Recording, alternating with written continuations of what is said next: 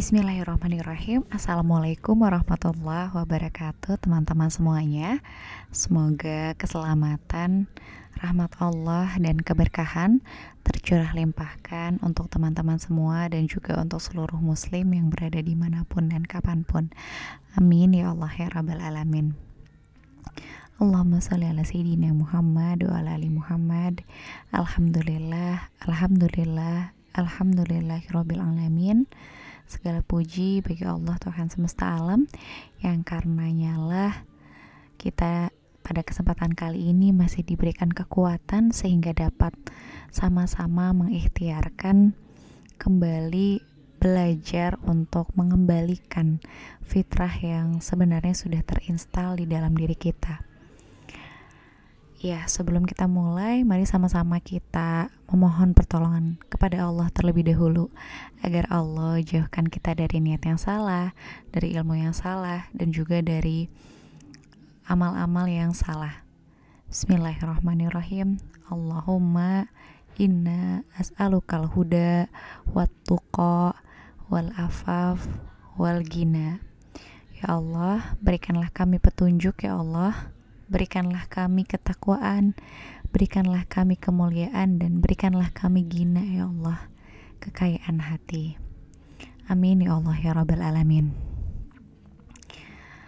Baik, setelah kita berdoa, memohon pertolongan kepada Allah, mari kita sempatkan untuk doakan terlebih dahulu guru-guru kita, orang-orang yang Allah titipkan ke dalam kehidupan kita sebagai jalan datangnya cahaya ilmu sampai kepada diri kita.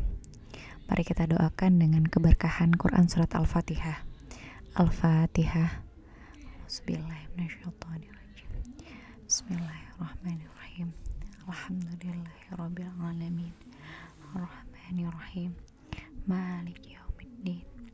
Iyyaka na'budu wa iyyaka nasta'in. Ihdinas siratal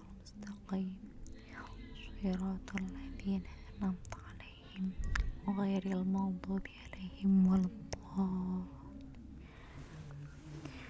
Amin ya Allah ya Rabbal Alamin Baik teman-teman, uh, mari kita lanjutkan pembelajaran kita masih di materi kuliah keempat tentang mengasah rasa dan perasaan. Kali ini kita masuk ke tema yang berjudul Rasa dan Perasaan sebagai Pralogika. Jadi saking cepatnya rasa dan perasaan ini, dia itu bisa mendahului logika seseorang. Bismillahirrahmanirrahim. Semoga Allah mudahkan kita ya untuk sama-sama memahami dan mengimplementasi apa yang akan sama-sama kita pelajari. Oke, kita mulai ya rasa dan perasaan sebagai pralogika. Rasa dan perasaan adalah sesuatu yang bersifat pralogika. Keberadaannya dapat mendahului logika. Sebelum logika bergerak, berbuat, menganalisis, dan memecahkan masalah, rasa dan perasaan dapat lebih dahulu bekerja. Logika cenderung lambat bekerja dan hal inilah yang menyebabkan di era di mana informasi tersebar begitu cepat seperti sekarang, kita tidak terlalu dapat mengandalkan logika.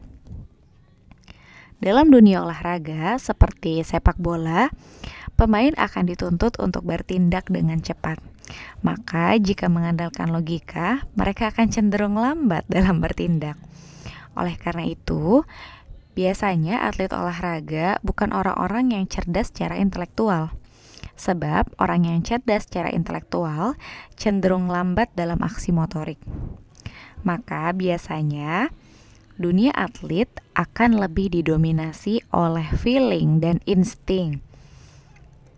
Mereka dalam mengambil keputusan saat melakukan permainan olahraga. Sebagai contoh, petinju Muhammad Ali yang sangat cerdas dalam bertanding ternyata hanya memiliki IQ sebesar 78. Oleh karena itu, pada beberapa kejadian, rasa dan perasaan dapat kita andalkan sebelum kita menggunakan logika dalam menyelesaikan masalah. Bahkan dalam situasi-situasi tertentu, yang dapat menyelamatkan kita adalah rasa dan perasaan, bukan logika.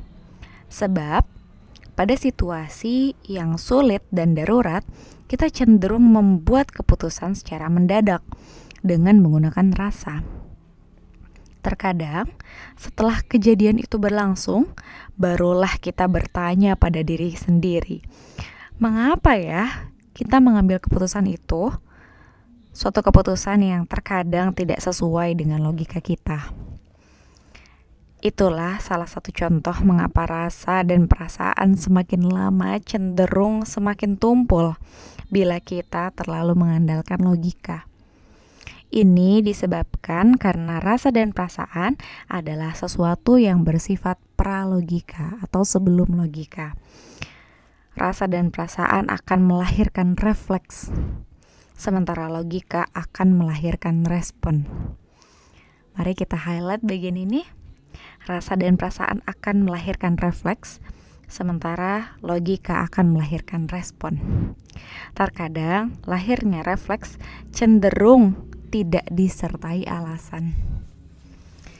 Di dunia ini ada banyak situasi yang tidak memungkinkan untuk menyusun alasan rasional dalam mengambil keputusan.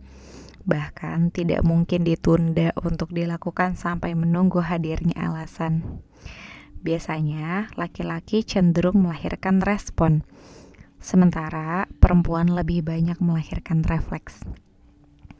Sebagai contoh, apabila anak menangis di dalam kamar, bunda akan secara refleks datang ke kamar untuk memeriksa keadaan Ananda. Sementara ayah cenderung menunda karena berpikir barangkali hanya nyamuk. Bunda cenderung memilih kekhawatiran bahwa yang terjadi bisa lebih bahaya dari sekedar digigit nyamuk. Itulah contoh antara perbedaan responsif dan reflektif. Ini menjadi penting karena di dunia ini ada be beberapa hal yang harus disikapi secara reflektif, tidak hanya responsif, terutama dalam keadaan darurat dan terhimpit. Namun, dewasa ini, respon sikap yang dilahirkan oleh laki-laki maupun perempuan hampir mirip Sebab saat ini banyak perempuan yang semakin mendahulukan logika daripada rasa dan perasaannya. Bahkan banyak perempuan yang bersikap seperti laki-laki atau mengambil peran layaknya laki-laki.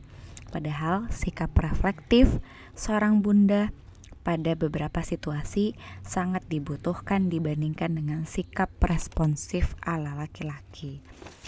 Masya Allah, Itulah materi terkait rasa dan perasaan sebagai pralogika. Nah, dari materi yang tadi sudah dibacakan ya, ternyata memang rasa dan perasaan itu secepat itu loh. Uh, apa ya? Secepat itu loh kerjanya sampai menghasilkan hal-hal yang hal-hal yang refleks atau hal-hal yang sifatnya spontanitas. Jadi nggak bisa kenapa tadi kayak gitu? Nggak bisa dijelaskan gitu e, alasannya seperti apa. Karena ada dorongan sekali lagi secara refleks atau spontan. Sementara kalau misalnya e, logika ya tadi melahirkan respon Nah, sehingga respon ini bisa dijelaskan bahkan tadi ya perbedaannya bisa terjadi penundaan akan sesuatu kejadian dalam merespon karena berpikir pilihan-pilihan kejadian yang bisa terjadi gitu. Ah, mungkin A atau ah mungkin B. Jadinya uh, tidak refleks ya, tapi melahirkan respon yang tidak spontan seperti itu.